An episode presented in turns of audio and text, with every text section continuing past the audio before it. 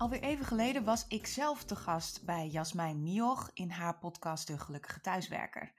En zoals je vast hebt gezien, was Jasmijn recentelijk te gast in deze podcast.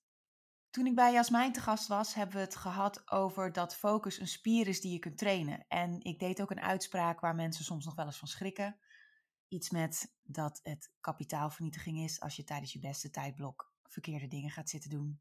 En wat dan maakt dat iets jouw beste tijdblok is en wat maakt wat je dan het beste kunt doen en wat je dus beter niet kunt doen, dat vertel ik in die podcast met Jasmijn. We hebben het daarbij ook over een persoonlijke aanpak. Dus niet een one size fits all, maar wat je zou kunnen doen om jouw aanpak te ontdekken. Het is een erg leuk gesprek geworden, dus ik verwijs jullie graag naar de podcast van Jasmijn.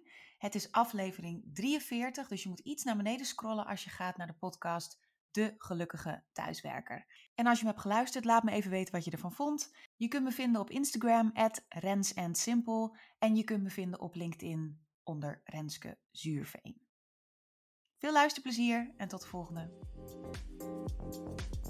Dankjewel voor het luisteren. Je kunt mij vinden op Instagram en LinkedIn. Check de show notes. En op planandsimple.nl vind je alle informatie over het Focus Funnel programma.